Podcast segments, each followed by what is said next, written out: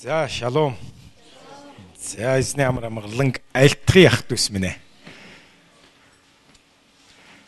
Халелуя. Баярлалаа Иесус эзэн минь энэ цаг мөчийн төлөө эзэн минь. Бүгдээрээ эзний өмнө өөрсдийгөө даруу болгоцгоё. Зүрх сэтгэлээ даруу болгоцгоё. Эзний үгийг бүгдээрээ бас даруухнаар хүлээж авцгаая. Учир нь Библи бидэнд эзний үгийг даруухнаар хүлээж ав гэж хэлдэг. Тийм учраас альва бодол санаа, альва өөрсдийн дуулуургүй байдал, зөрүүд байдал, гим нүгэл өөр юу вэ? Эзний өмнө гимших зохистой зүйл юу вэ? Бүгдээрээ эзний өмнө ирээд гимшицгээе. Учир нь эзэн бол үнэхээр ариун, ариунаас ариун эзэн байдаг.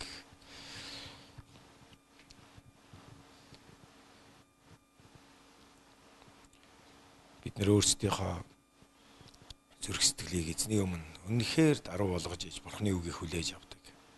Хэрвээ бид дотроо өлөө шоож ихэмсэг ардан байвал эзний үг бидний бидний зүрхэнд хүрдгүү ямар ч үржимс ямар ч ойлголт байдгүй амен. Тийм учраас библи бидрийг бурхны үгийг даруухнаар хүлээж аваа гэж хэлдэг. Халелуя. Үнэхээр бид өөрсдийгөө даруу болохыг бидэнд зааж өгөр ариунсаа халелуя Халелуя. Халелуя. Тэгээ Библи бидэнд хэлэхдээ хүчрхэг Бурхны хүчрхэг мотрын дор өөрсдийгөө та нар даруу болгоорой гэж хэлсэн байдаг. Тэгэхээр Бурхан биднийг даруу болгодог. Харин даруу болох болох нь бидний өөрсдийн асуудал байдаг. Амен. Библи тиймээс өөрсдийгөө та нар даруу болгоорой гэж хэлсэн Учир нь бурхан бардам хүнийг эсэргүүцдэг даруй хүнд нэгүслээ өгдөг юм а гэж хэлсэн. Амен. Халелуя. Тэгээд өөрсдийгөө бас даруй болгоод бурханы үгийг бас хүлээж аваарай гэж хэлсэн байдаг. Халелуя. Бурхан бол үнэхээр агуу. Амен. Бурхан бол амьд ариун эзэн байдаг. Эзэн танд бид өөрсдийгөө захируулж байна, өөрсдийгөө тушаан даатгаж өгч байна. Таны хүсэл биелэг таны хүсэл тэнгэрчгээ газар дээр биелэгдэх болтугай гэж залбирч байна. Халелуя Иешуа эзэн. Баярлалаа Иесус.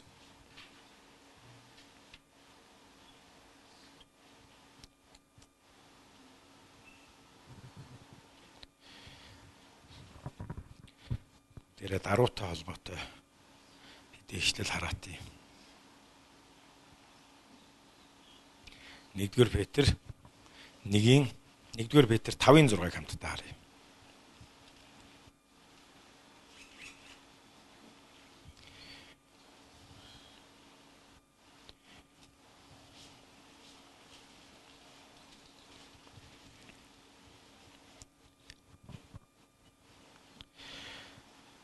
Библи бидэнд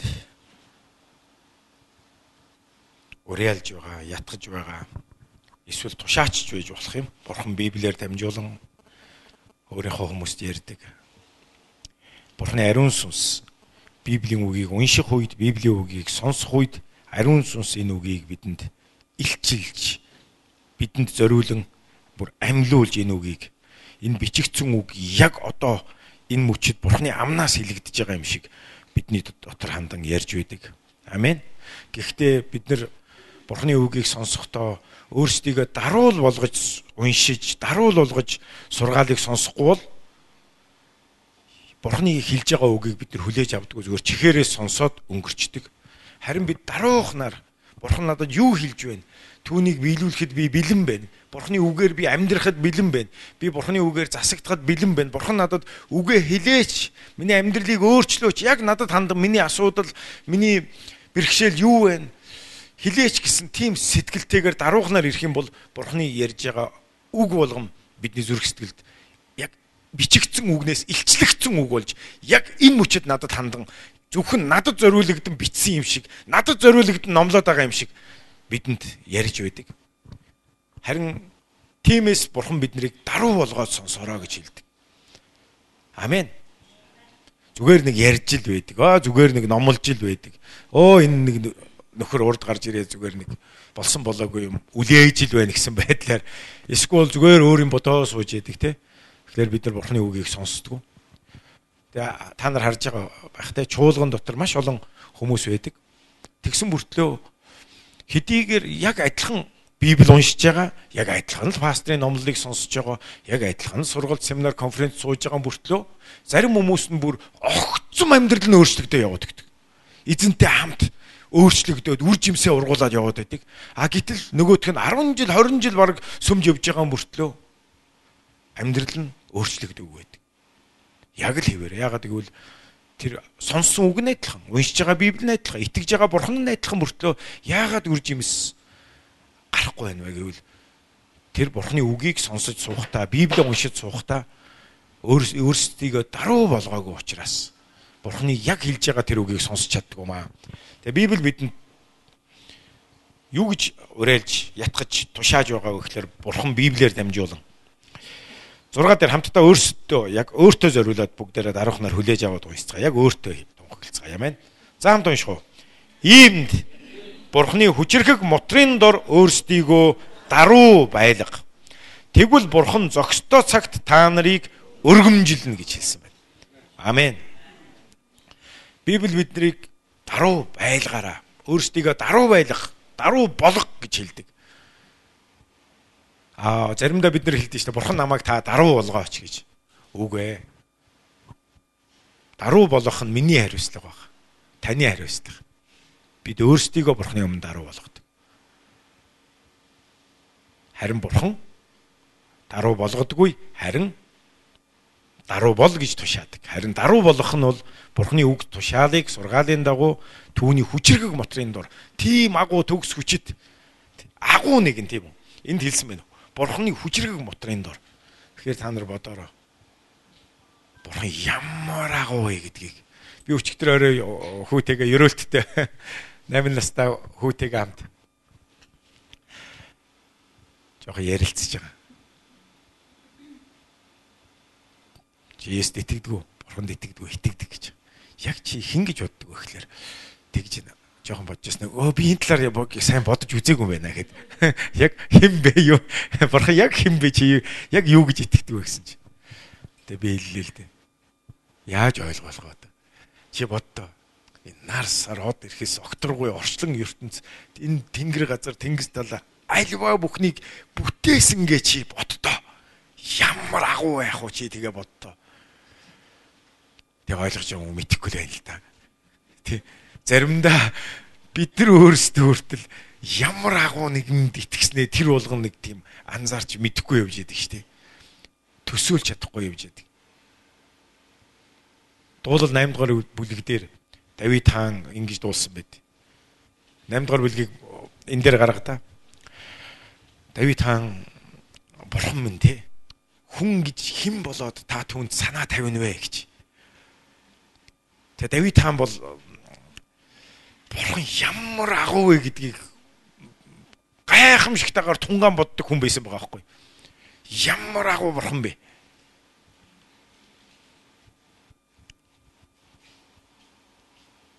Тэгээ Монгол чуудын хувьд бурхан гэхлээр бас нэг тийм холилдсон юм бас бодогдоод байдаг л да.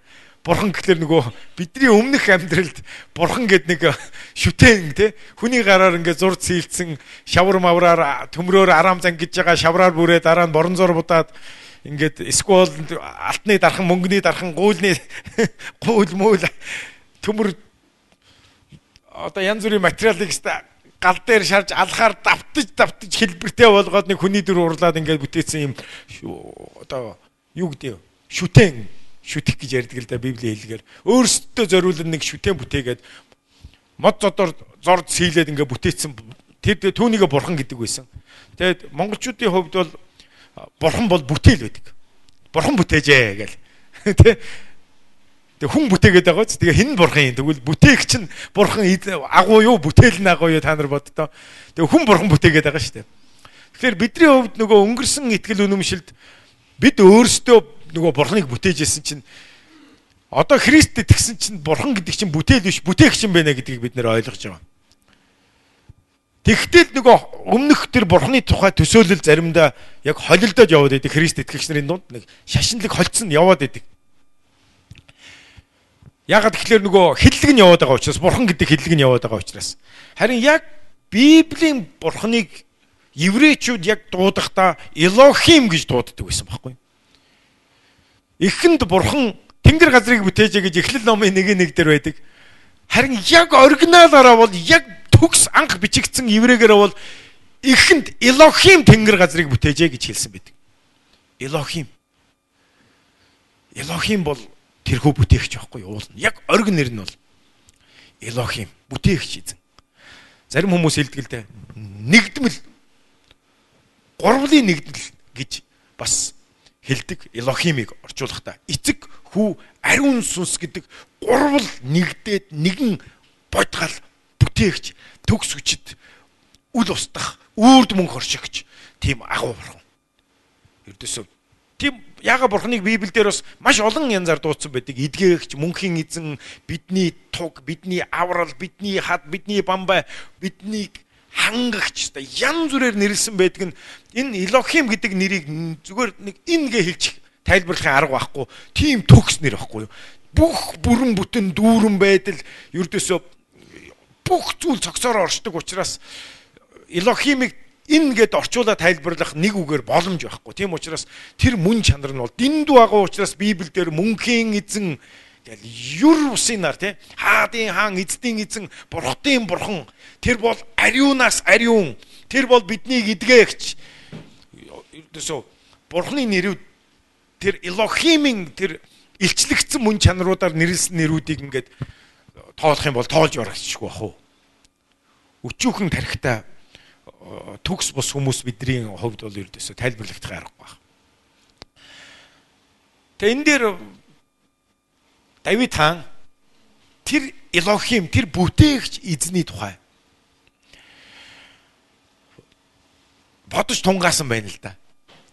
Хин бэ ямар вэ гэдэг дээр ингээ бодож тунгааж үзээд Давид хаан эцэст нь ингэж дуулцсан байгаа байхгүй юу?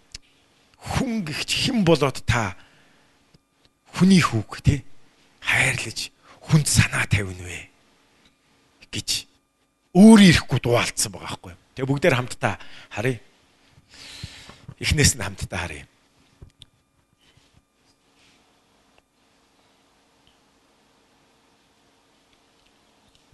За би шинэ орчуулганаас үтсэ хараад энэ дээр өмнөх орчуулга байгаа. За шинэ орчуулгатай хүмүүс шинэ орчуулгаас харъя тий. За библигүй хүмүүс та заавал библ судалдаж аваарай.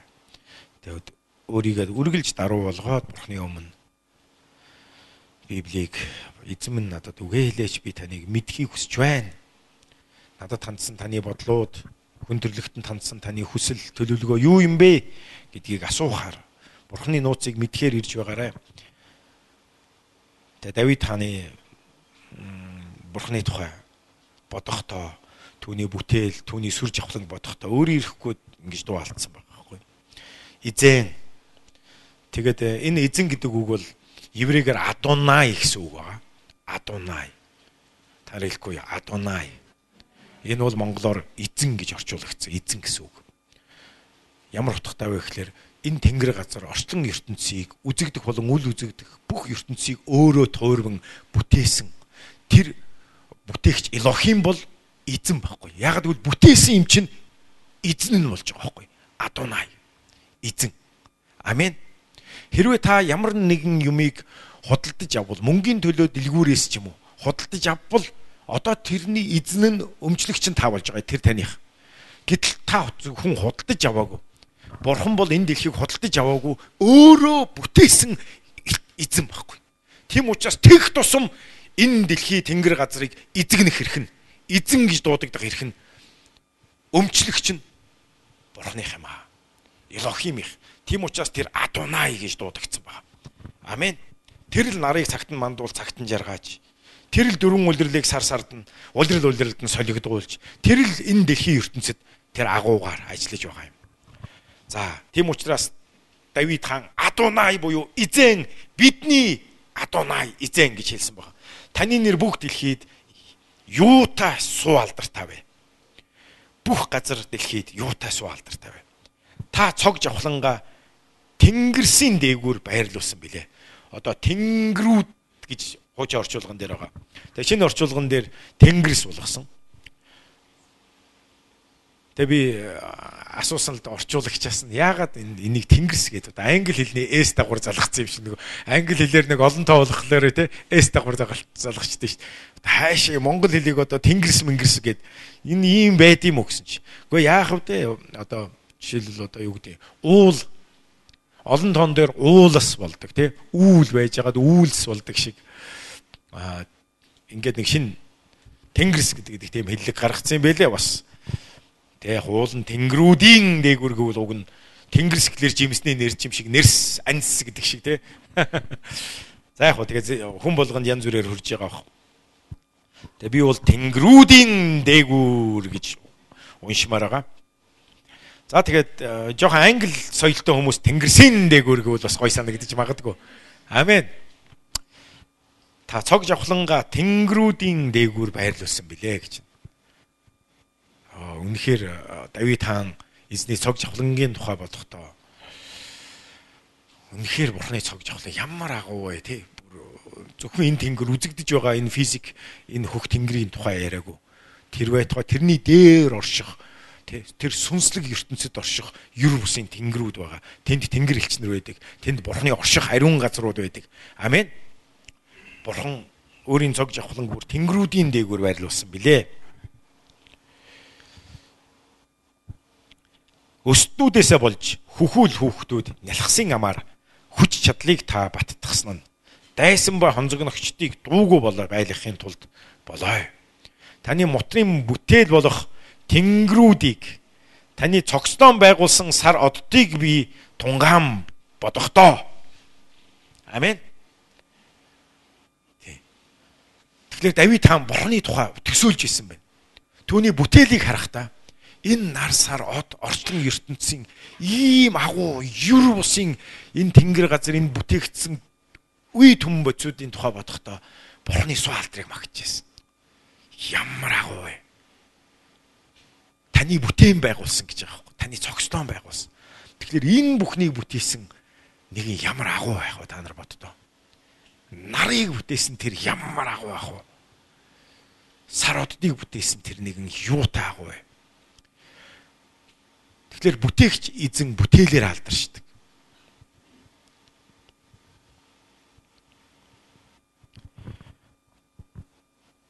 Тэгээд өөрийн ирэхгүй тэр бүтээгчийн тэр яруу алдар цогж авахлан юу таагуу тэр юр усын аимшигтай гайхамшигтай тэр чадварыг чанарыг багтаж байхдаа гинт одоо өөр лүгөө чиглэж би хийм бэ? Хүн гэж хийм бэ? Яагаад ийм агуу бурхан хүнийг боддөг юм бэ? Хүн гихч юу болоод дөрөв дээр та түнд санаа тавьж хүмүүн гихч юу болоод та түүнийг анхаарна вэ? Та түүнийг бурханаас арай дор болгожээ гэж байна. Энэ дээр бас бурханаар гэсэн байна тийм үү? Тэгээ бурхан хүнийг бүтээхдээ өөрийн бүх Бурханаас арай дор гэдэг нь ямар утгатай гэж Бурханы бүтээсэн бүх бүтээлээс дээгүр гэсэн. Амен. Хизээч бүтээл нь бүтээгчээсээ илүү агуу байж чадахгүй. Боломж байхгүй. Тийм учраас Давид хаан мэдээж өөрийгөө бурхантай энэ зэрэгцүүлээгүй. Хүнийг бурхантай энэ зэрэгцүүлээгүй. Харин бурханаас арай дор болгоч гэж бүтээгчийг хүндэлсэн баг мэдээж ингэж хийж болох л байсан л да. Бүх бүтээлээсээ агуу болгосон гэж хэлж болох л байсан. Гэхдээ энэ дээр Давид хаан харин өөрийгөө даруй болгоод бурхнаас дор болгосон гэдгийг сонгосон баг. Бурхныг хүндэлж, бурханд алдрыг цог жавхлангийн өргөөд та хүнийг бурхнаас арай дор болгосон.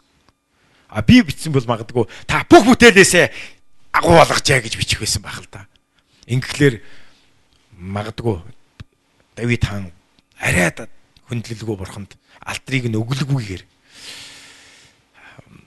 одоо өглөгүй алдрыг нь одоо өгөхгүй байгаа юм шиг санагдсан байж магадгүй. Яг гэвэл Давид таан үнэхээр бурханд алдрыг өргөхийг хүсэж исэн учраас бурханд алдрыг өргөдөг нэгэн байсан учраас амин.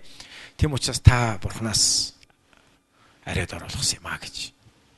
Харин энэ нь юу гэсэн үг гэвэл бурхны бүх бүтээлүүдээс агуу юм гэсэн үг. Хүн гэдэг бүтээл бол. Амен. Тэр байтугай Тэнгэр элч нарын дээгүүр оршиж байгаа хүн. Амен. Бурханаас арайд ор. Өмнөх нэг орчуулган дээр та түүнийг Тэнгэр элчээс арайд ор болгож гэж бит хэлсэн байдیں۔ Гэхдээ энэ бол буруу орчуулга байсан байхгүй. Бурханаас Элохимос арайд ор болгосон гэж яг еврейгээрээ бол тийм үг байдаг гинэ. Та хүнийг Элохимос тэр бүтээгч нэгнээс арайд ор болгосон. Яг л харахгүй шүү дээ адилхан байх боломж байхгүй. Яагаад гэвэл бүтээл нэмж. Бүтээл нь хизээч бүтээгчгээ байж чадахгүй. Жишээлбэл Стив Джобс Apple хоёрыг алийг альнаас нь илүү үзэх юм бэ? Тийм биз дээ. Энийг зохион бүтээсэн тэр нэгэн илүү ухаантай байж таарна үстэй. Илүү агуу байж таарна үстэй. Стив Джобс iPhone-оос Apple-аас те Apple-ийн бүх бүтээгдэхүүнээс илүү агуу алдартай байх хэрэгтэй биз те. Энэ нь Steve Jobs-ыг бүтээгээгүй л аахгүй. Steve Jobs үнийг бүтээсэн байхгүй. Тийм учраас бид нар Давид хаан үнэхээр хүнийхээ хувьд түүний бүтээлийн түүний мотрын бүтээлийн хувьд өөрөөсдийг өөрийгөө бурхны дор тавьсан. Та хүнийг Элохимос арайд ор болгосон гэж. Алдар хүндийн тэтмийг түүнд өмсгчээ гэж. Гайхамшигт. Хүнд. Та түүнд мотрийнхаа бүтээлүүдийг захируулдаг гэж. Та бүх юмсыг түүний хөл дор тавьсан. Хон өхөр бүгд мөн хээрийн аратан амьтад тэнгэрийн шууд болон далайн загас усан замаар сэлгэж бүх юм. Бүх бүтээл нь бүтээлийг хүний дор тавьсан гэж. Хүнд сахируулахаар хүний төлөө. Амен. Эзэн бидний эзэн таны нэр бүх газар дэлхийд юутай суалдартай билээ гэж хэлж байна. Тэгээ заримдаа итгэгч нар бид нар ямар агуу бүтээгч нэгэнд итгэснэ тэр болгон төсөөлж чаддгүй. Тэгээ та нарыг бодож үзээрэй. Бидний бурхан ямар агуу вэ? Хэр агуу вэ? Анх би шинэ итгэж байхад Оросд Абаканд Библийн сургуульд орох үед сурж явах үед нэг номлогч тэгж ирсэн. Бидний бурхан хэр агуу вэ гэл. Ийм агуу юу? Эсвэл ийм агуу юу гэл. Тэгээ бид нэр юу гэж хэлүүлдэг байсан бөхлээр бидний бурхан бол Гэхдээ ингэж хэмдэж алдтал байгаа юм чи үндэ бол те яг агуул гэж хэлүүлэх гээд байсан баг л та. Тэгээ үнэхээр бидний бурхан бол хэлж төсөөлж бүр ойлгож хүний бодол санаа хүний мэдлэгийн хязгаарыг давна л да бидний бурханы агуу байдал бол бидний төсөөллийн хязгаарыг давна. Зүгээр бүтээсэн бүтээлийг нь тэр түүний цогтоон байгуулсан сарууд тэнгэр газар энэ бүхнийг бодоход нэрээ ямар агуу вэ? Бурхан төрөл төрлөөр нь бүтээсэн байна. Усан замаар сэлгэж бүхэн тэр загаснууд тэр аратан амьтад адгуусан амьтад төрөл төрлөөрөө. Тэр үрт мод жимсний модод ямар агуу төрөл төрлөөрөө байдаг үлээ гайхамшигт тэгээ Японы эрдэмтэн Кеннет Макветин гэдэг хүн Монголд ирж ирсэн. Тэгээ тэр хүн эрдэмтэн хүн юу гэж хэлж ирсэн бэ гэхээр өнөөдөр байгаа ан амьтад болон ургамлуудын ургамлууд бол анх бурхны бүтээсэн нийт тэр төрөл төрлөөр бүтээсэн тэр амьтад ургамлын хажууд бол ердөөсөө одоо байгаа бүх амьтад ургамл ердөөсөө 10% л үлдсэн байгаа гэнэ 10 хүрэхгүй хувь нь үлдсэн байгаа. Тэгэхээр бидний мэдхгүй 90% нь устж өгөө болсон. Тэгээ тэр Кеннет Макветін юу гэж хэлж байгаа вэ гэхээр одоо хүртэл өдөр болгон бурхны бүтээлүүдээс ургамал амьтдын аймагаас өдөр болгон тодорхой хэдэн төрөл зүйл дэлхий дээр устж алга болж болсоор байна гэж. Тэгээ өнөөдөр биднийг баг үед сүрэг сүргээрээ бэлтжижсэн олон амьтад улаан номонд орсон баг. За зарим нь улаан номонд орсон байсан зарим нь бүрэн устдаа дууссан баг. Хэдхэн жилийн дотор л бидний нүдэн дээр л хичнээн мянган гол горих ширэгч. Монгол та нар мэдж байгаа шүү дээ. Хэдэн мянгаар гол горих ширэгж байгаа шүү дээ.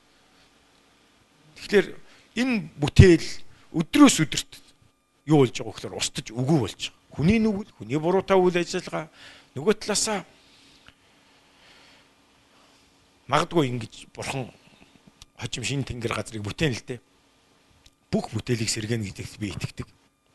За бүгдээрээ төр зогсоод гол зүйл рүү оръё. Бурхны хүчрэг мутын дор бид нар өөрсдийгөө даруй байлгах хэрэгтэй. Ямар агуу нэгний нэгэнд бид итгэсэн байна вэ? Библи бидрийг өөрсдийгөө даруй болго гэж хэлдэг.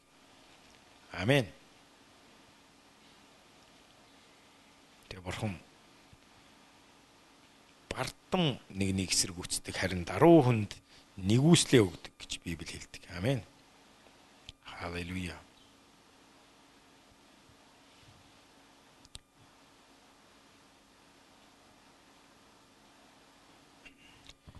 Яаков 4:10-ыг хамтдаа харъя.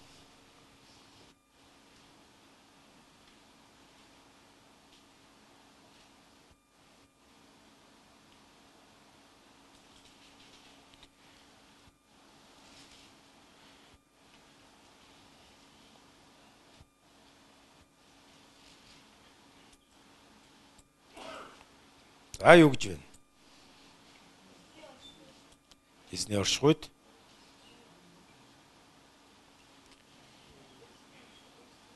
өөрсдийгөө даруй болго. Библи бидэнд даруй болго гэж хэлдэг. Өөрсдийгөө даруй болго. За юу гэж байна? Эзний оршихуйд өөрсдийгөө даруй болго.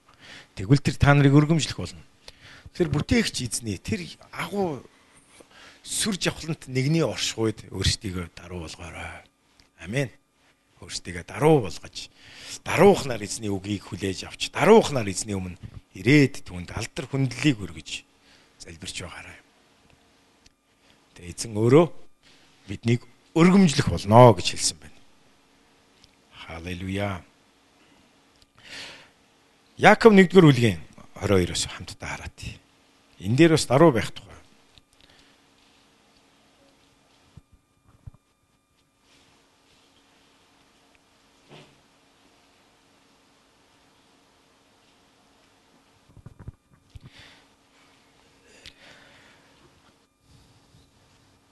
21-ээс бүгдээр хамтдаа харъя. Тимээс амен. Та нар бүх бузар байдал хорон санааныхаа хамгал үлдэгдлийг хайж дотор чин суулгагдсан сэтгэлийг чин аврах чадaltaа үгийг дөлгөөх нөр буюу даруух нар гэж өмнөх орчуулган дээр байна. Хүлээж аваарай гэж хэлсэн байна. Тэгэхээр бид нар яаж өөрсдийгөө даруу болох вэ бурхны өмнө? Тэгээ энд айгүй тодорхой бас хэлсэн байгаа ч. Бүх бузар байдал хорон санааныхаа хамаг үлдэгдлийг мэдээж бид нар Христээр ирэхдээ үнэхээр гэмтэй хүмүүс ирдэг. Харин бид нар ирсний дараа бид нар өөрчлөгддөг. Анх бид нар Христээр ирснээс хойш бол маш олон зүйлээр бид өөрчлөгдсөн байгаа. А гэхдээ Библи бидэнд хэлэхдээ бүх үлдэгдлийг нь одоо зайлуулаарай гэж хэлж байна. Амен. Бүх хорон санааны тэр бүх бузар байдлын хамаг л үлдэгдлийг зайлуулж хаяад дотор чин суулгагдсан сэтгэлийг чинь аврах чадaltaй үгийг даруухнаар хүлээж аваарай. Амен. Тэгэхээр бид нар Бурхны үгийг ингэж хүлээж авъя гэвэл өөрсдийгөө даруй болгох хэрэгтэй. Даруй болгохдоо яаж бид нар Бурхны үгийг сонсож надад зориулагдж байгаа Бурхны тэр илчлэгдсэн үгийг бид нар Библи уншихдаа сургаал сонсохдоо альва Бурхны үгний өмнө ирэхдээ яаж энэ үгийг яг надад зориулагдсан үгийг би бүр зүрх сэтгэлийнхаа гүнээс хүлээн авч чадах вэ? Сонсож чадах вэ? Гэвэл Бурхан надад хэлж байгаа түүний үг хүслийг өөрийгөө даруй болохгүйгээр бид нэр сонсож чадахгүй байна. Харин яаж тэгвэл даруй болох вэ гэвэл бүх хорон санааны үлдэгдлээ зайлуулж хай гэж. Ой сонссон л үг байна. Аа ярьдаг л үг байна. Өө өмнө нь энэ үгийг сонсч байсан тэгээ зааж байсан зааж байсан. Сонсч байсан, уншиж байсан, уншиж байсан гэл ингээл бодол санаан дотроо ингээд үгүйсгдэг.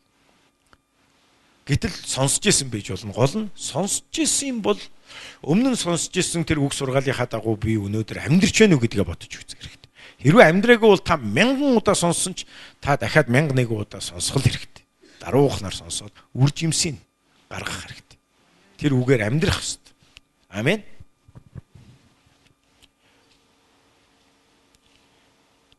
хамаг үлдэгдлийг зайлуулж хаяад Тэгээд бидний сэтгэлийг аврах чадaltaй үгийг даруухнаар сонсоод хүлээж ав. Амен.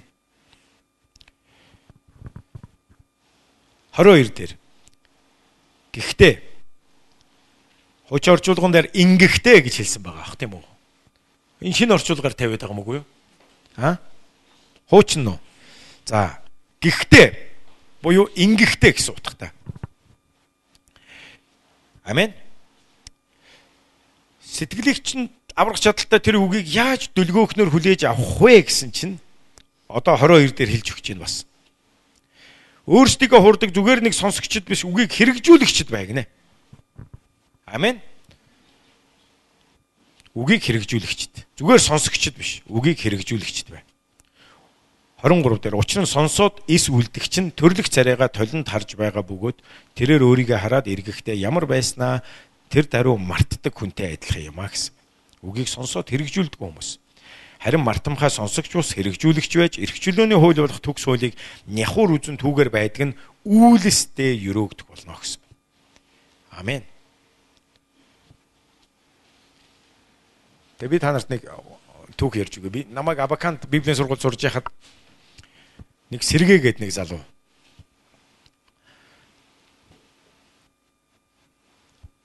Бид нар нэг өглөө бүтэн сайнны цуглаанд ирлээ. Тэгээ Орос сүм байсан. Чи нэг өдөр пастор нь тэр сэргээ гэдэг ухтагч хийдэг залууг урагшаага гаргаж ирээд яр гэж хэлсэн. Тэгээ тэр харахад ер нь хэвэн биш байсан тэр үнэхээр тийм айдастай. Үнэхээр нэг имэцээр дүүрцэн тэр зогсож исэн л да.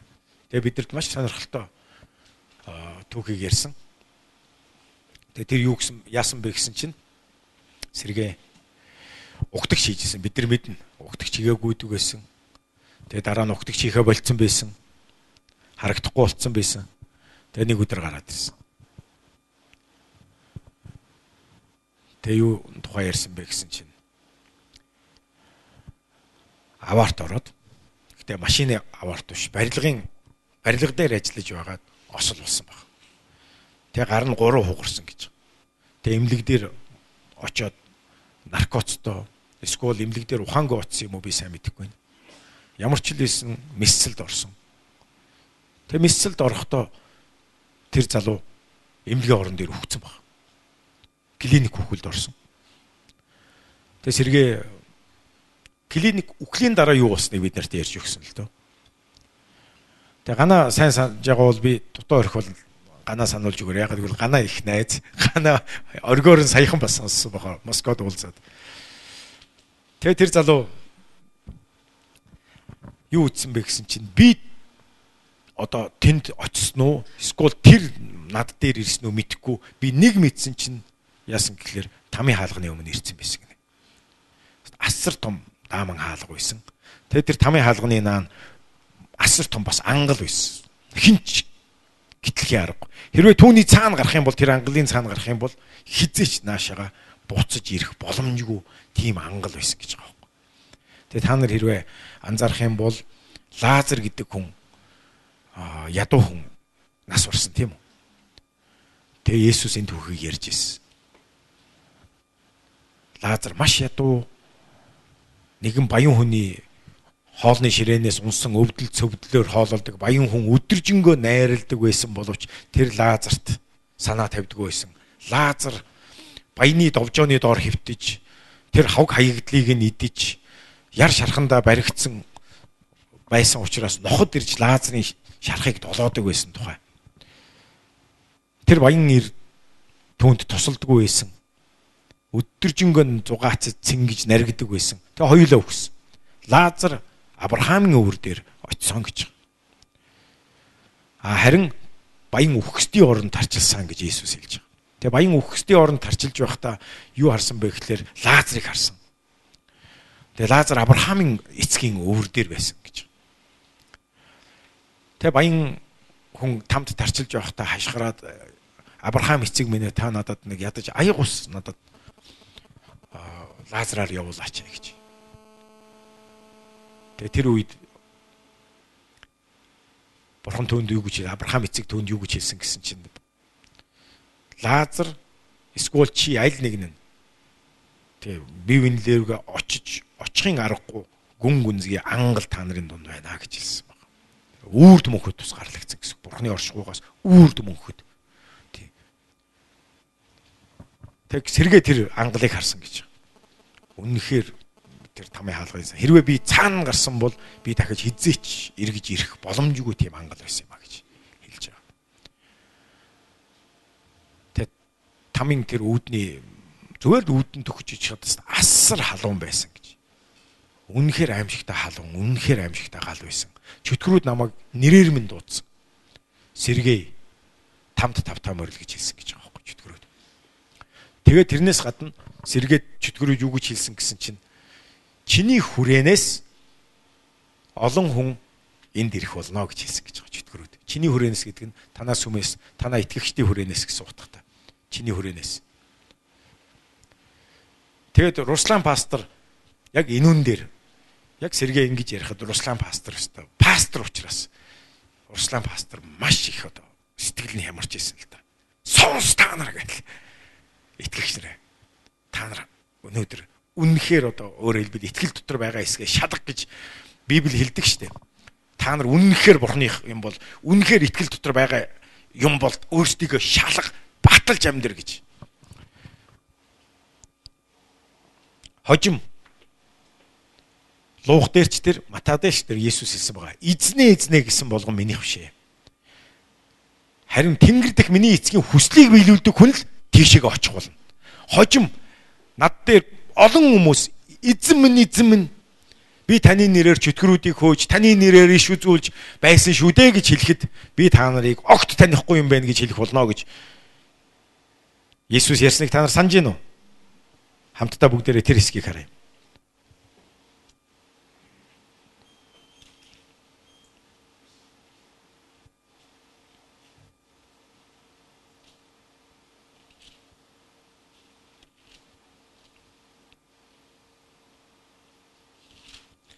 Бүгдээрээ матагаас харж.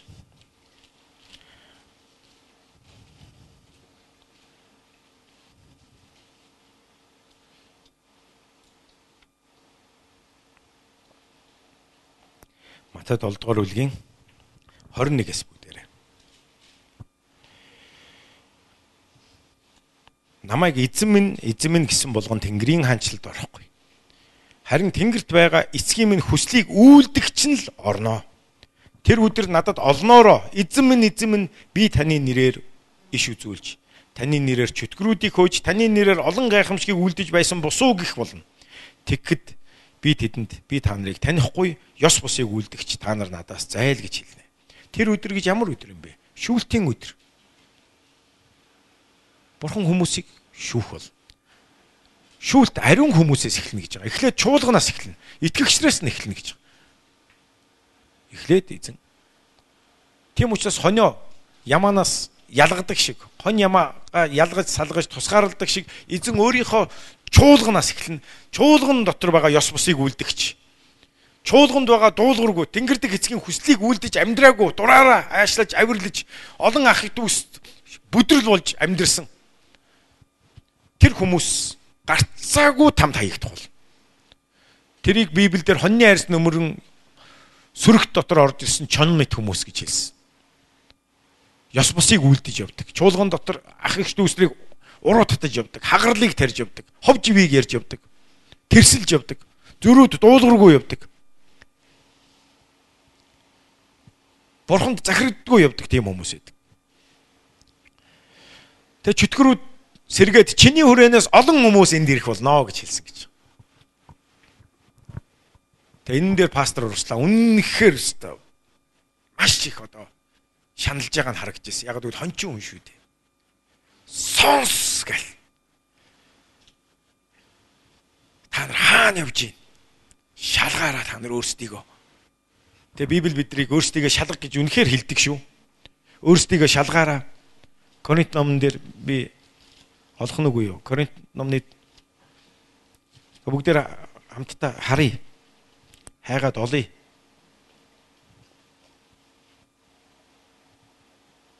Коринтын аль Коринт 1-2-ын хамгийн сүүлд нь байгаа өөрсдийгөө шалга батал та нар үнэхээр Христийн хэл юм бол өөрсдийгөө шалга гэж хэлсэн байдаг. Өөрсдийгөө батлаараа гэж хэлсэн байдаг.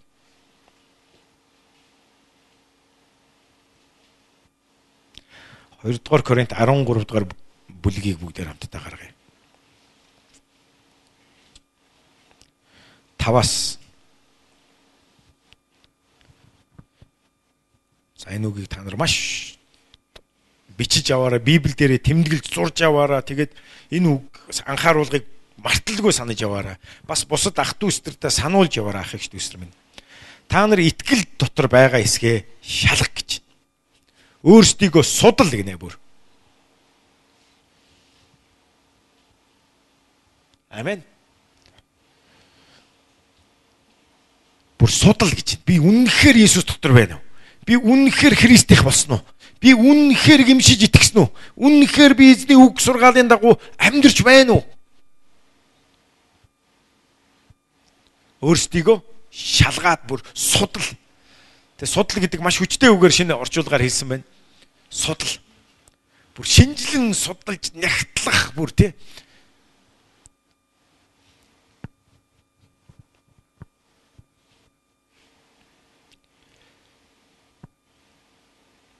судал. Өөрийгөө судал. Зам байдал, бодол санаа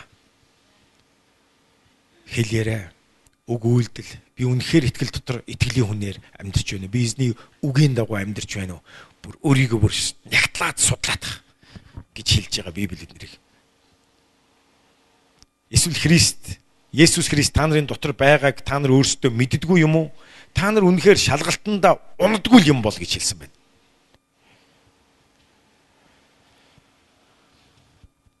Пастор Урслан үнэхээр шаналж исэн. Би хончин хүн хонь сүргийнхаа төлөө хариулж байгаа чуулганыхаа төлөө хүн болгоны төлөө яаж ингэж зовж байгааг би тэр үед би хончин хүн биш байсан. Би зүгээр жирээнийгэн шин итгэж сууж исэн. Тэгээ би хончин хүний сэтгэлийг ойлгосон байхгүй. Үнэхээр пастор Урслан бол аав хүн. Чуулгандаа бол үнэхээр аав хүмүүстэй санаа тавьдаг. Хүмүүсээ эзний үгээр сургаж эзнийх болоосоо гэж хүсдэг. Зүтгэдэг. Үнэхээр шаргуу хончин хүн байсан. Болохгүй хүмүүсээс загнадаг, зэмлд чаддаг. Үнэхээр аавал хүн тэгнэ. Тэгээ пастор Урслан ярьч үргэлжлүүлээд гэл. Тэгээ сэргээ тамд тас харанхуй байсан гэж хэлж байгаа. Тамд тас харанхуй. Тэнд ямар ч найдвар байгаагүй. Найдвар гэдэг үг бол тамд хизээч байхгүй. Бидэнд бол үргэлж найдвар байдаг. Одоо амьд байгаа хүмүүст бол өвчтөө хүнд идэрнэ гэсэн найдлага байдаг. Ядуу зов зүдэрч байгаа хүн амьдрал сайхан болно гэсэн найдвар үргэлж байдаг.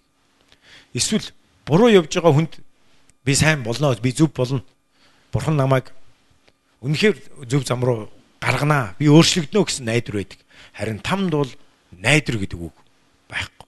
Ягаад гэвэл бүх юм дуусаа. Сэргээ тэнд ямар ч найдвар байхгүй гэдгийг харсан байгаа тамд. Таас харанхуйс. Асар халуун байсан бас хиншүү хярвс өнөрч исэн. Хүмүүсийн төлөгдөж байгаа тамд тарчилж шарагдаж байгаа хашгиран хиншүү хямс. Тамд бол юу байсан гэж зүгээр л цул айдас байсан гэж. Цөхрөл айдас. Тэгээд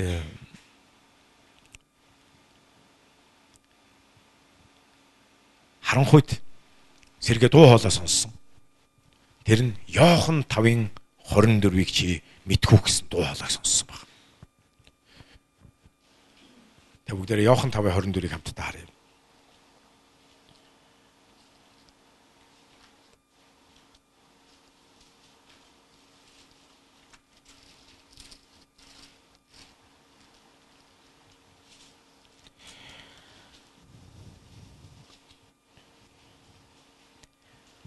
Үннээр үннээр би та нарт хэлье.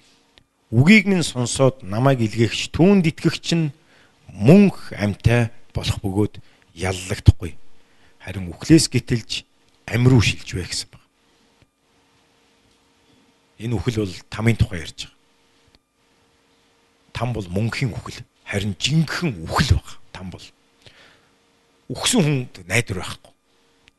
Тамд орсон хүнд ямар ч найдвар байдгүй. Үхсэн хүн дахиж үхнэ гэж байхгүй. Тийм учраас тамд орсон хүн үхий гэж хүсвч тамд тарчилж тарчлаад тарчлагдаж байхдаа үхий гэж хүсвч үхэж чадахгүй гинэ. Ягаад гэвэл там бол мөнхийн зовлон мөнхийн үхэл бөгөөд үхсэн байгаа л тэр мөнхийн зовлон. Харин Есүс энд хэлж байна. Би үнэнээр та нарт хэлье. Үгийг минь сонсоод. За та нар бүгдээр хамтдаа хэлье. Үгийг минь сонсоод.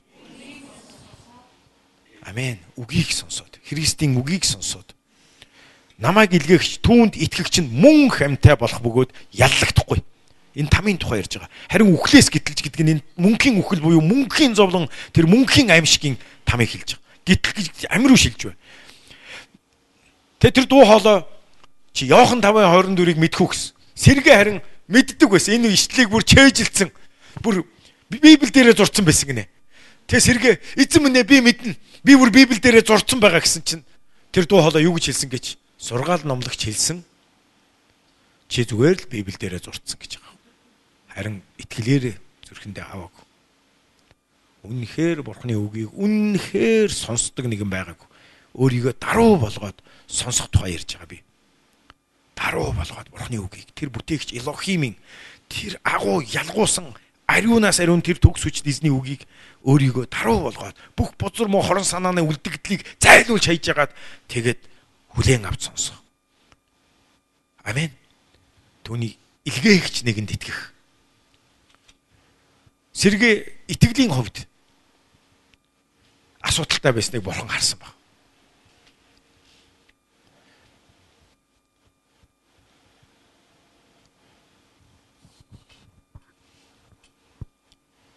Тэгээд яасан бэ гэхээр бурхан сэргээд тэгж хэлэхэд номлогч хэлсэн чи зүгээр л зурцсан гэж хэлсэн үгийг сонсоод өөрийгөө бурхны өмнө юугаарч яаж зөвдгөж чадахгүй гэдгийг ухаарсан гинэ. Бүх зүйл бурхны зөв байсан. Зүгээр л сэргээ тэр үед яасан гэж Есүс намайг угаагаач л гэж орилсон. Өөр юу ч хэлж чадахгүйс. Тэр өөрийгөө зөвдгөх зүйл юу ч байхгүй. Бүх зүйл бурхны зөв. Бурхан Библи хэлдэг те. Бурхан айлдсан болгондоо зөвтдөг юм а гэж. Зүгээр л би гимтэй юм байна гэдгийг л ойлгосон. Тэгэл ганц хашгирч чадсан үг Иесус омил минья гэж хашгирсан. Намайг угаагаач Иесус. Яг тэгж хашгирах үед яасан гэж. Сэргээ тэр тас харанхуу байгаа штэ тамд. Тэр тамийн хаалганы гадаа. Тэр англын өмнө тий. Тас харанхуу байсан. Тэгсэн чинь тэр тас харанхууд зүүний үзүүр шиг тэр хол алсад гэрэл гарсан гэнэ. Зүүний үзүүр шиг гэж байхгүй бүр. Тим хол тим цаанаас. Тэгэд тэр гэрлийг харсан чинь одоо хараа. Найд найдвар төрсөн гэнэ. Найдвар төрсөн тэр зүүний үзүүр шиг гэрэл. Тосх үед. Тэрийг хараад одоо найдвар төрсөн. Тэгээ тэр гэрэл ойртоол исэн ойртох тусам томрол хийсэн гэнэ. Тэгэд сэргээ бас нэг сонирхолтой зүйл байсан. Тэр гэрэл ойртох тусам тамийн хөдөлгөөн, тэр чөтгөрүүдийн хөдөлгөөн яг царцсах юм шиг болж ирсэн гэж байна. Яг царцмаг шиг царцж байсан. Тэр гэрэл ойртол байсан. Тэгэд яасан гэж тэр гэрэлс маш үцгэлэнтэй байсан. Юр усын байсан гинэ. Тэгэд юу харсан гэсэн чинь лицо гэж байгаа. Лицо би бурхны дүр төрхийг харсан. Үнэхээр үзэглэнтэй. Үнэхээр гайхамшигтай дүр төрх байсан гинэ. Тэгээд асар хүчтэй мотор намайг татчих шиг болсон чинь би эмнэлгийн орон дээр Иесус омел минь яг л хашгирж байгаас ирсэн гэж эмчнэр бүр галзуурчлаа гэд эмнэлгээр дүүрэн яг нөгөө тэр Иесус намайг угаагаач гэж яг тэр хашгирж явах хашгирахтаа Манер бол яг боддоо тэр ертөнцид яваад байгаа дээ. Тэгэхэд тэр биеийн эмнэлгээр дүүрэн орилж эмчнэр бүр бүр баг галзуугийн тариа хийх гэжсэн баг. Нөгөө тайвшруулах те. Имлэгээр дүр өвчтнүүд нь хожим ярьсан гэнэ. Чиний бүр хашгирж байгаа бүр хоёр давхар даяар хашгирж байсан. Иесус омил минь гэж хашгирж байсан гэж байгаа. Тэгээд хүчрэг мотор татчих шиг болсон. Тэгээд нэг битгэд эмнэлгийн орон дээр яг клиник хүүхдээсээс ирсэн байгаа байхгүй. Тэгээ манер бүтэн сайн өдөр нь ярьж байгаа. Тэгээ би тэрүнтэй тэрний дараа хувьчлан уулцсан л та. Яг юу болсныг дахиж яриулсан. Үнэхээр миний итгэлийг сэгсэрсэн юм болсон. Ягаад гэвэл би зүгээр итгэл аврагч чинь гэж бодож исэн чинь үнэхээр тийм биш юм байна. Есүсийн хэлсэн те эзнээ эзнээ гэж дуудсан болгон минийх биш ээ гэдгийг элчнэр сануулгахдаа та нар үнэхээр итгэгчл юм бол өөрсдийгөө шалгаж амьдр, баталж амьдр гэж хэлж байгаа. Тэ үнэхээр Христ итгэх итгэл гэдэг чинь ямар бодтой байх ёстой юм бэ? Жинхэнэ итгэл гэдэг чинь ямар чухал юм бэ? Бид энэ итгэлээр амьдрна гэдэг энэ ямар чухал вэ гэдгийг би ойлгосон л доо. Тэгээ би асуусан. Чи гимтэй байсан юм уу гэж. Тэгсэн чинь би уг нь гимшсэн байсан гэж хэлсэн надад. Тэгтээ тэр надад жинхэнэ гимшлийг надад сэргээ хэлж өгсөн л дээ тэр үед. Сэргээ яг тэр тамийн үүдний өмнө очихдоо бас нэгэн зүйл үүснэ нь өөрийнх нь гмийн аягыг бурхан түүнд харуулсан гинэ. Өөрийнхөө гмийн аягыг харуулсан байна л да. Тэгсэн чинь тэр гмийн аяг нь бүр ингээд дүүрээд хальж асгарахад бэлэн болцсон байсан гинэ. Библиэлд та нар санаж байна уу? Гмийн гим нүглийн аягыг хэлсэн байдаг. Өөрөөр хэлбэл бурхан бузар үндэснийг шүүхээс өмнө тэдний гим нүглийн аяг дүүрээгүй байгаа юм а гэж хэлж ирсэн дүүрсний дараа шийтгэлээ би өгөх болно гэж хэлж ирсэн. Тэгээ бас нэгэн Библийн бас үг иш үзүүлэгчдийн ном номнууд дээр байгаа хаа нэгтэйг нь. Тэдний гим нүглийн аяг дүүрсэн учраас бурхан уур хилэнгээ сутглаа гэсэн утгатай. Уур хилэнгээ аяг, гим нүглийн аяг. Тэр дүүрэх үед тэр хүний амьдралд бурханы уур хилэн буудаг. Тэгээ сэргээгийнх бол дүүрээд хайлахад ойртсон байсан гинэ. Тэгээ тэр гмийн аяган дотор өөрийнх нь хийж байсан бүх гимүүд байсан. Тэгээ Христээр ирэхдээ гимсцэн гимүүд нь хүртэл тэр дотор уучлагдаагүй байна гинэ. Гими аяган дотор. Тэгэд энэ намайг маш их гайхад өргөсөн.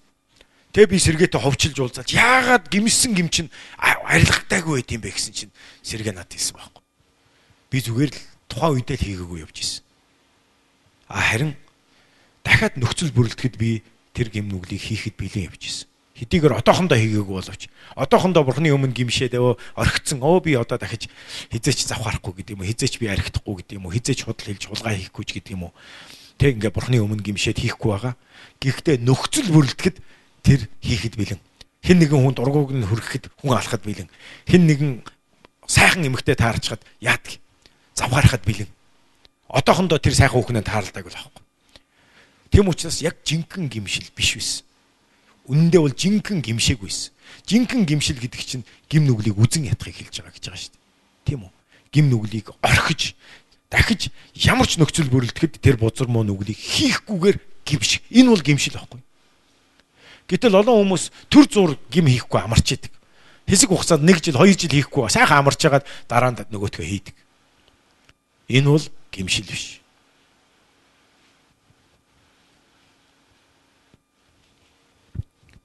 Тэгээ үүгээр бид нэр сая Библи хэлсэн тийм үү? Өөрсдийгөө шалгаа, судлаач, нягтлаач, итгэгчл юм бол итгэл дотор байгаа эсгээ шалгах.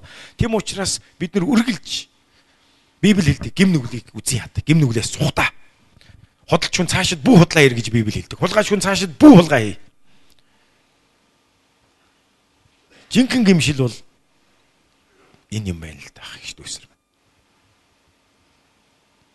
Тэ сэргээ над тэлэхдээ би үнэхээр нөхцөл бүрэлдэхийд хийх юм бэлээ явж исэн юм. Маа гэдгийг ойлгосон баг. Тэгээ бас нэгэн зүйлийг ярьсан сэргээ над. Дуудлагын талаар. Сэргээ угтагч байсан. Тэгээ дараа нь угтагчийнхаа болцсон. Тэгээ яасан гэхлээр сэргээ над хэлсэн. Надад 2 3 хүн бүр иш үзүүлэгч бүр иш үзүүлж ягаад чи бол угтагч гэдгийг хэлсэн.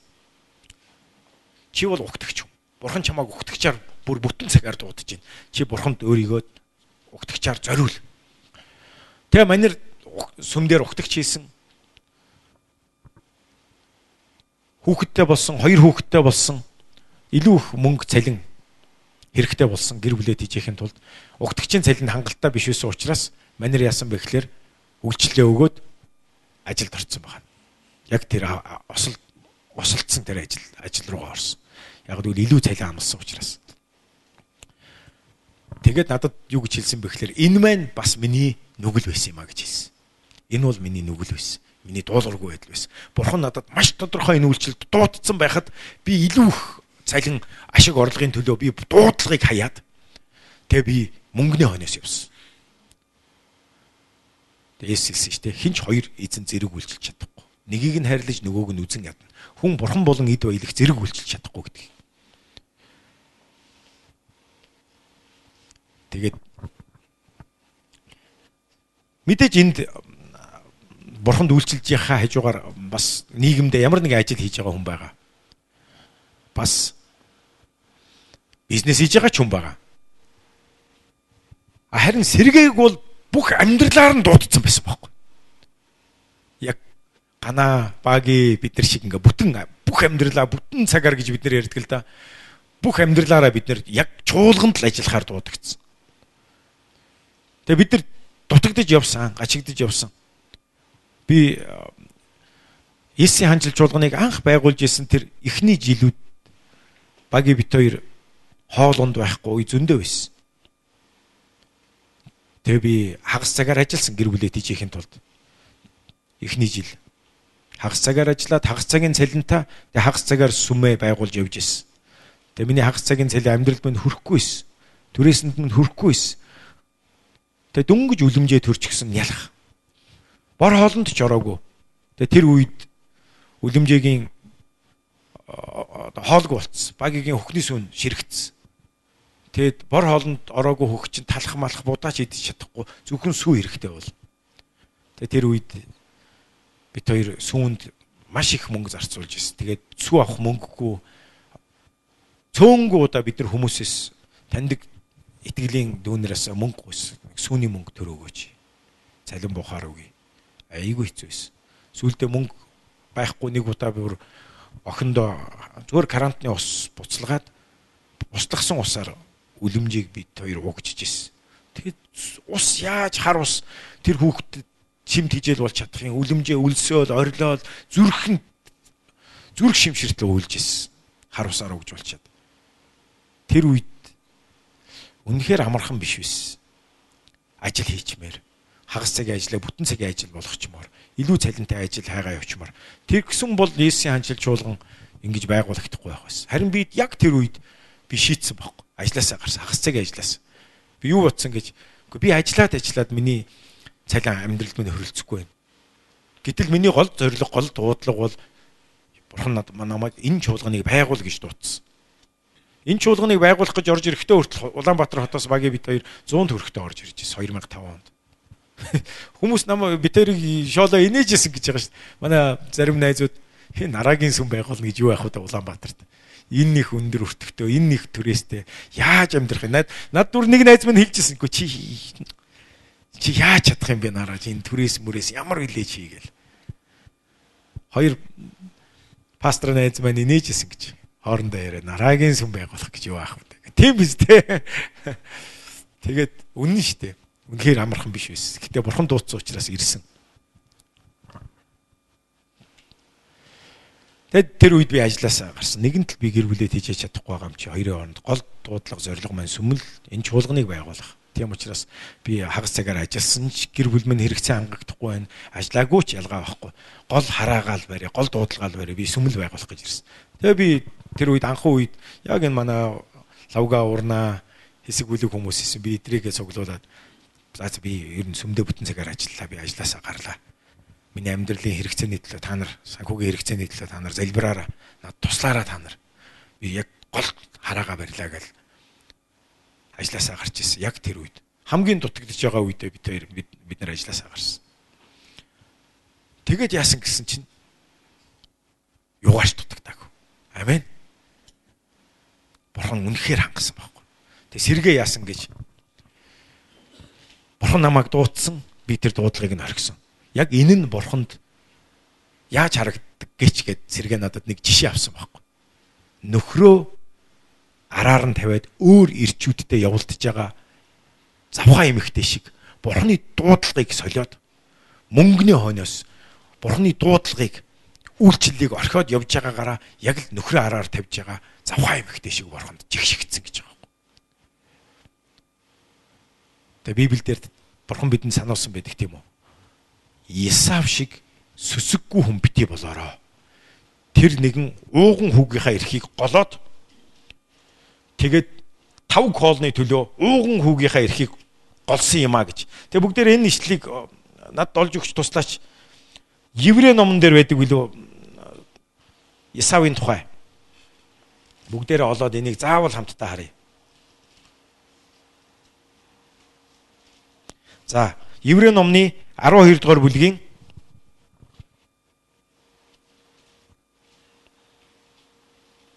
Арун таваас бүгдээр хамтдаа харцгаая. 15-аас. Энэ бол үнэхээр аимшигтай сануулгах шүү ах төсмнэ. 12-15-аас. Хинчинч. За өөртөө хэлээрэ хинчинч энд байгаа хин чинч Есүс анжил чуулган тэр байтугай Монгол чуулган дэлхийд даяар байгаа бүхий л ариун хүмүүс ариун хүмүүсийн чуулганд байгаа итгэгч бурхных гэж явж бодож бурхных байхыг хүсэж ирмэлзэж байгаа хин чинч бурхны нэгүслээс соцрохгүй тулд болон альва гашуун үндэс урган хор учруулж түүгээр олноор бузралгахгүй тулд сэрэмжил гэсэн байна. Заримдаа харж гинөө. Айгу цэвэр ариун явж хагаад айгүй халуун сэтгэлдээ итгэж явж байгаад дараа нь яаж ин гашуун үнд сургаж болдог байх нь шүү дээ. Гашуун хогийн ургамал шиг бузар муу хорон санаа бузар муу гим нүгэл альва ямар нэгэн юмд гашуун үнд сургаад хор хөнөөлтөө нэгэн болчих боломжтой байт юм байна. Тэгээ дараа нь тэр нэгэн бас өөрөө бузралдахаас гадна олон хүнийг бузар бузралдах тийм аюул байдаг байна. Тийм учраас Библи итгэгчнэр тандаа хэлж байгаа шүү дээ. Энд чинь үл итгэгчнэр тандан хэлээгүй. Сэрэмжил гэж хэлж байна ах дүүс минь сэрэмжтэй бай. Заримдаа би ийм зүйлийг харж байгаа. Би олон жил пасторхтаа үнэхээр эзэнд итгэлтэй маш цайлган цагаан итгэлтэй явж хагаад дараа нь гажаад дараа нь буруу сургаал заагаад дараа нь тэрслэгч болоод дараа нь завхаарэгч болоод үнэхээр тэгээд олон олон хүмүүсийг уруу татан тэр бузар зүйлдэ хотгож явж байгаа олон хүмүүсийг би харсан шүү. Энэ олон жил би хончилж явах та. Үнэнхээр санаанд ороогүй хүмүүс гашуун үнд сургуулсан явж байгааг би харсан шүү.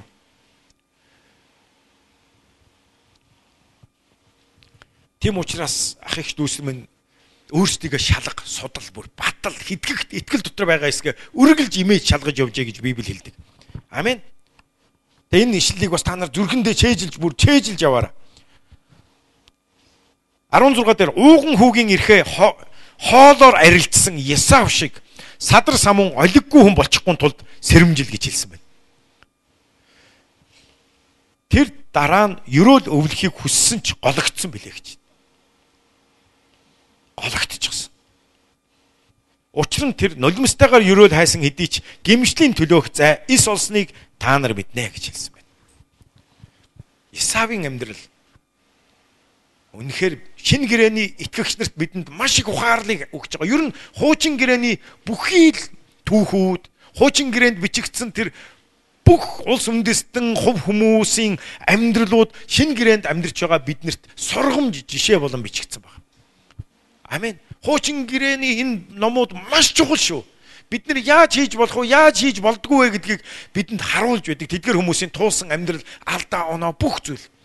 Тийм учраас хуучин гэрээ бол хуучирсан гэрээ биш. Хуучин гэрээ бол харин шин гэрээний итгэгчдийн Библи байхгүй. Амен. Тийм учраас анхан үеийн итгэгч нар хуучин гэрээг хизээч хуучин гэрээ гэж бид нар шиг нэрлэдэг байсан. Судар гэж нэрлэдэг байсан. Судрууд Бурхны үг бичээс гэж хэлдэг байсан баг. Тэгээд шин гэрээний анхан үеийн итгэгч нар хуучин гэрээг маш их нэгтлэн тэдний Библи нээсэн учраас маш их нэгтлэн уншдаг байсан. Амен. Тэд нар хуучин гэрээнээс л иш татчихсан. Яг гэвэл тэдний Библи нөхгүй. Тийм учраас би одоо хуучин гэрээг хуучин гэрээ гэдэг хэллэгийг ямар ч байсан сүмдээ болимоор байгаа. Яг еврейчүүд юу гэж хэлдэг байсан? Анхан үеийн итгэгч нар хуучин гэрээг яаж дууддаг байсан? Яг тэрээр нь нэрлэмээр байгаа. Ямар ч хэлсэн ихний таван номыг Тора гэж нэрлэдэг байсан. Дараагийн иш үзүүлэгчдийн номуудыг ер нь 3 янзаар одоо 2 янзаар дуудсан. Тора тэгээд өөрөөр бас еврейгээр нэрлсэн тэр нэрийг нь би олсон шүү. Яг одоо би санахгүй байна заяа. Мэдж байгаа юм бол над багийн постолсноос хараад хилээд өгөөрэй. За ах их дүүсэр минь. Тэгээ надад сэргээ хэлэхдээ би үнэхээр бурхны дуудлагыг уландаа гიშгсэн байсан юм а гэж хэлсэн. Тэгээд сэргээ надад юу гэж хэлсэн гэхлээр хэрвээ би хэдийгээр гачигдчихсэн ч гэсэндээ би үйлчлэл дээрээ тууштай зогссон бол эзэн хангах л байсан. Яг гэвэл эзэн хэнийг дуудана түүнийг хангадаг. А гэтэл би бурханд итгэж чадаагүй. Би яг л дуудлага орхисноороо зүгээр л завхаа эмхтэй шиг л болсон гэж байгаа юм. Зүгээр л завхаа хэрэгчиг л болсон. Энэ хоёр зүйл. Нэг нь гимшил, үнэн гимшил. Хоёрдугаарт дуудлагыг ошсон. Тэгээ одоо энэ хүн Москвад пастор хийж байгаа сүм байгуулад. Тэр үед угтагч хийжсэн. Жирийн нэг угтагч байсан залуу. Дуудлага орхин Үнэхээр аимшигтай зүйлтэй учирсан. Тэр залуу одоо Москвад сүм байх болсон. Москвад үйлчилж байна. Амен. Халелуя. Тэгээ бид нар хожим түүн дээр очих бол. Тэгээ Джон Бивер сая ирэхдээ шагнал болон шүүлтийн тухай дахиад маш тодорхой сануулсан. Итгэгч нар мөнхийн зүйлээр удирдуулах хэрэгтэй. Би эзний төлөө хийсэн бүх зүйлдээ хожим шагналыг авах. Бурхны хүмүүст өгсөн аяг усны шагналаа алдахгүй гэж Библи хэлсэн. Таны хийж байгаа эзний төлөө хийсэн чуулганд сайн мэдээний төлөө, ядуусын төлөө хийсэн, Бурхны дуудагдсан, сонгогдсон хүмүүсийн төлөө зориулсан энэ бүх зориулалт аяг усаа усныхаа шагналыг хүртэл та нар авах бол үүнийг ухаан үйл дээр авах төсмөн. Тийм учраас Йохан хэлсэн тийм үү? Дүүрийн шагнал авахын төлөө та нар хичээгээрэй гэж. Хоёрдугаарт шүүгэлтэнд орох бол би хожим шүүгэлтний өмнө зогсох болно гэдгээ ухааран амьдраарай. Үнэхээр айж имэхгүйгээр худлаа ярихын оронд бурхан минь би хожим шүүлтэн зогсон шүү гэдгээ ухааран ходол хуурмаг зүйлээс өөрийгөө хол байлгаарай. Халелуя. Тэм учраас ах их дүүсэр минь шагнал руу хараараа. Шүлтний өмнө ичгүүрт гутамшигт орохгүй тулд хичээж яваараа. Өөрсдийгөө итгэл дотор байгаа эсгээ шалгаж батлаж амьдраараа ах их дүүсэр минь. Тэгтээ надад би та нарт нэг надад урам зориг өгдөг нэг ишлэлийг би та нарт хилээд дуусгая. Юуда номны нэгэн ишлэлийг Тэгээ бурхны нэгүсэлд бүгдээр өөрсдийгөө даатах юм. Амен.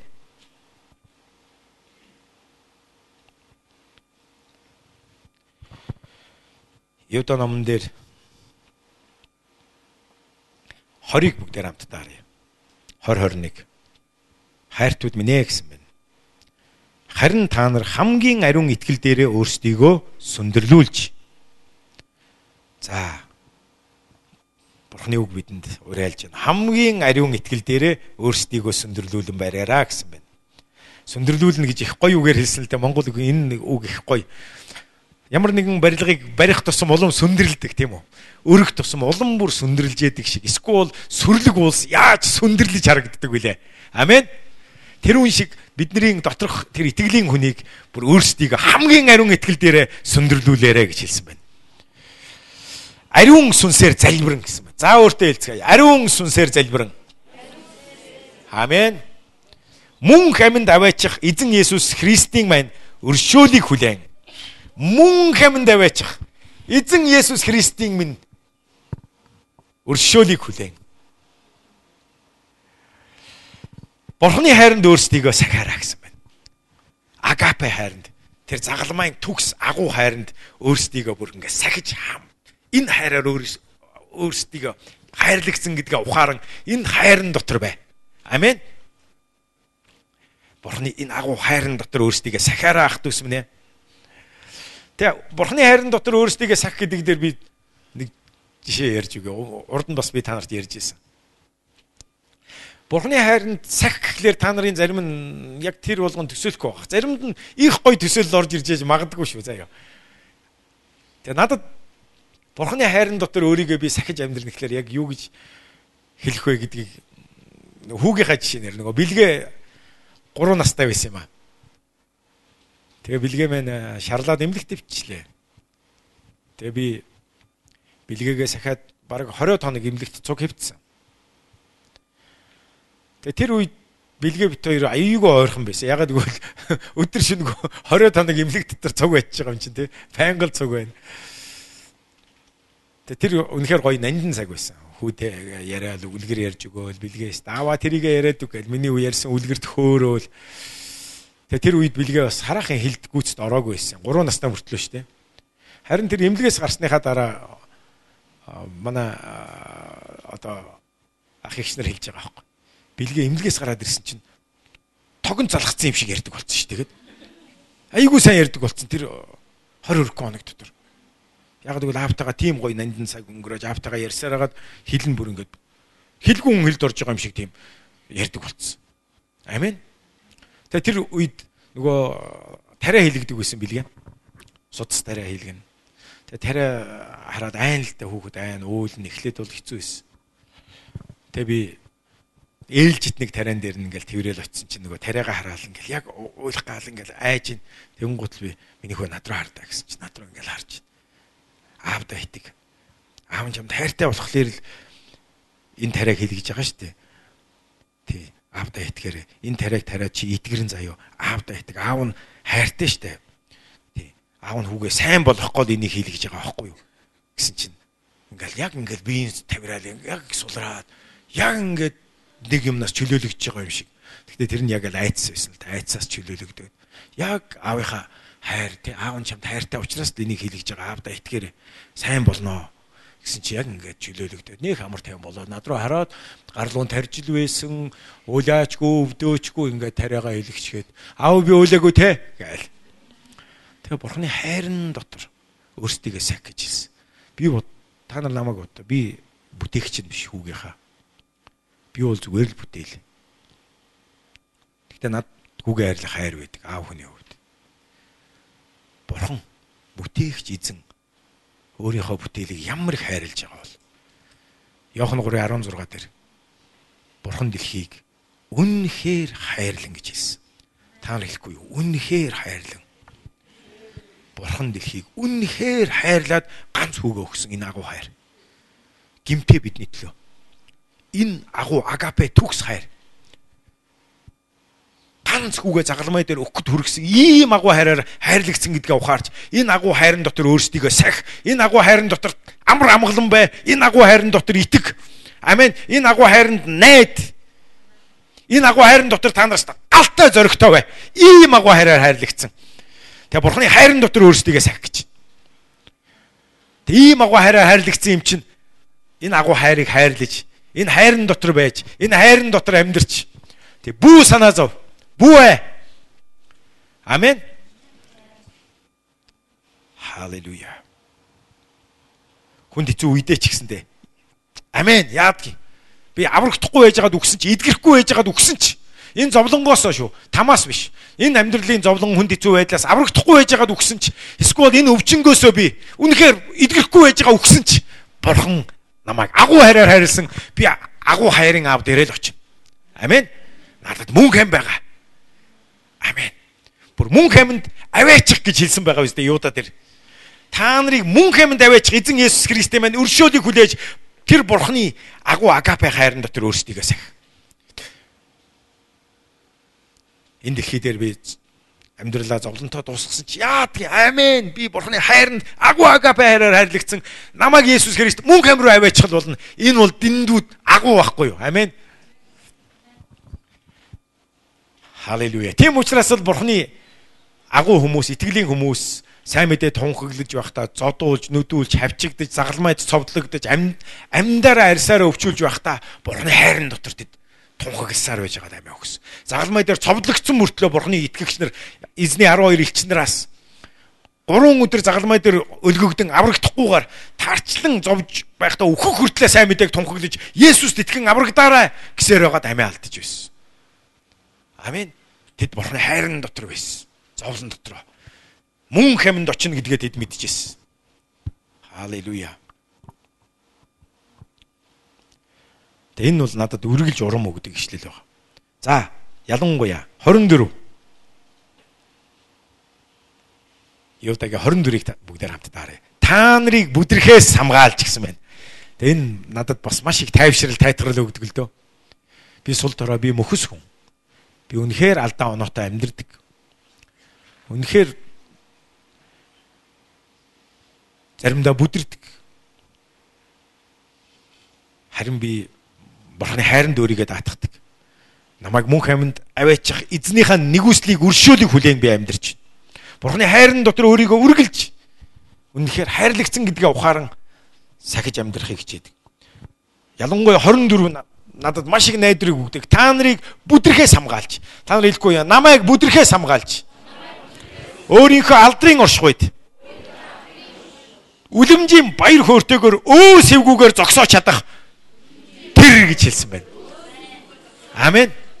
Амен. Тэм учраас өнөөдөр биднийг таныг бүдрэхээс хамгаалж харин ч бүр өөрийнхөө эзний тэр гайхамшигтай бүтээгч эзний Элохимийн алдрын оршихуйд үлэмжийн баяр хөөртөгөр тийм гим зэмгүүгээр зогсоож чадах нэгэн бол эзэн өөрөө л баг. Би агуу учраас биш, би мундаг учраас биш. Харин эзэн өөрөө намайг өршөөж, нэгүүлсэж, өөрийн агуу хайр нэгүүлслээрэ. Амен. Хожим тэр шүүлтийн өмнө гим зэмгүүгээр харин ч бүр эсэргээр үлэмжийн баяр баясгалантайгаар бурхан л зогсоож чадна. Тийм учраас бид нар өөрсдийгөө түүнд л даатгах хэрэгтэй юм аа. Амен. Үнэхээр бүгдээрээ залбирцгаая хамтдаа. Түүнд даатгацгаая. Эзэм нь үнэхээр мөхс намайг. Хожим таны өмнө үнэхээр гим зэмгүүгээр харин ч үлэмжийн баяр хөөртэйгээр зогсоож өгөөч гэж гуйж. Бүгдээрээ хувь тавилан ам амьсгал бүхнээ түүнд даатгацгаая. Есүсийн ялгуулсан нэрээр. Хувь тавилангаа түүнд атгасан. Итгэлээ түүнд өгцгөөе. Гимшиж итгэцгээе. Чөлөөлөгдцгөөе. Бурхны хайранд өөрсдийгөө даатгацгаая. Халелуя. Эзэн биднийг эдгэе гэж. Биднийг өршөөгөөч. Нэг хүслээ хайрлж өгөөч. Бэлхааж өгөөч